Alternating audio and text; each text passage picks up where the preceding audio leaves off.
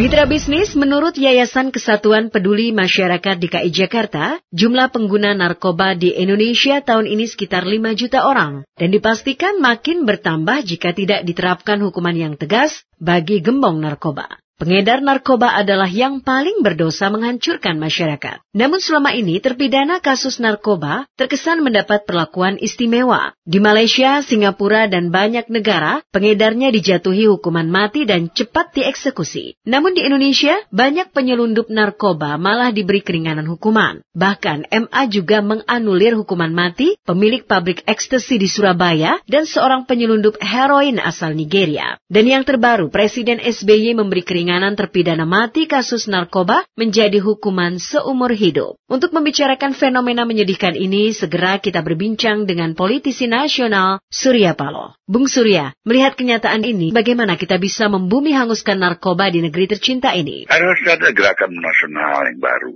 di mana pemerintah memang komited sebagai pemerintah yang tidak memberikan ruang gerak sedikit pun terhadap peredaran narkoba di negeri ini. Role of law kita harus benar-benar tidak berkompromi dengan kejahatan pengedaran narkoba dan rehabilitasi yang sesungguhnya terhadap mereka yang memang sudah terkena narkoba. Pendidikan informal keluarga juga diperkuat. Kesadaran masyarakat harus dibangun kembali. Tidak ada jalan lain. Jadi terapi kejut dan memang hukuman yang seberat-beratnya itu harus ada. Dengan segala risiko apa pun, itu jauh lebih baik kita menghukum dan melaksanakan hukuman-hukuman yang seberat-berat bagi pengedar narkoba, termasuk pemakai narkoba, dan mempersiapkan fasilitas rehabilitasi, kemudian pendidikan keluarga yang lebih baik, kemudian kesadaran masyarakat yang harus dibangun untuk menghindarkan saya katakan tadi pemusnahan generasi. Nah, Indonesia hari ini masih memberikan tempat yang amat nyaman bagi para pengedar narkoba. Bahkan sebagian besar sinyalemen yang ada, institusi-institusi resmi sudah terkena penyakit narkoba. Amat sangat memprihatinkan. Dan kita sebenarnya dalam keadaan posisi yang sudah red light sebagai negara yang masuk dalam kategori ancaman bahaya narkoba. Inilah yang saya ketahui.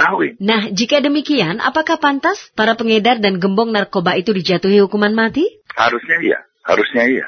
Kita tidak punya pilihan lain. Siapa yang menginginkan? Sebenarnya hukuman mati itu harus berlaku pada seseorang yang tidak bersalah. Tidak. Atau sebesar mana kesalahannya. Kenapa dia harus mendapatkan risiko konsekuensi hukuman mati. Tapi untuk narkoba, kita sudah harus ingatkan. Kita ingin agar menjaga generasi ini tidak terjadi istilahnya pemusnahan generasi mereka. Tidak ada yang lebih bahaya daripada bahaya narkoba ini. Di atas hal-hal yang bersikap keras ya narkoba ini. Jadi kalau kita pernah nonton film The Godfather misalnya, bagaimana terjadi dialog. Seluruh upaya usaha ilegal ini kita akan tetap boleh teruskan, kata seorang Godfathers dalam dialog film itu. Tapi satu hal saya tidak izinkan, perdagangan narkotik.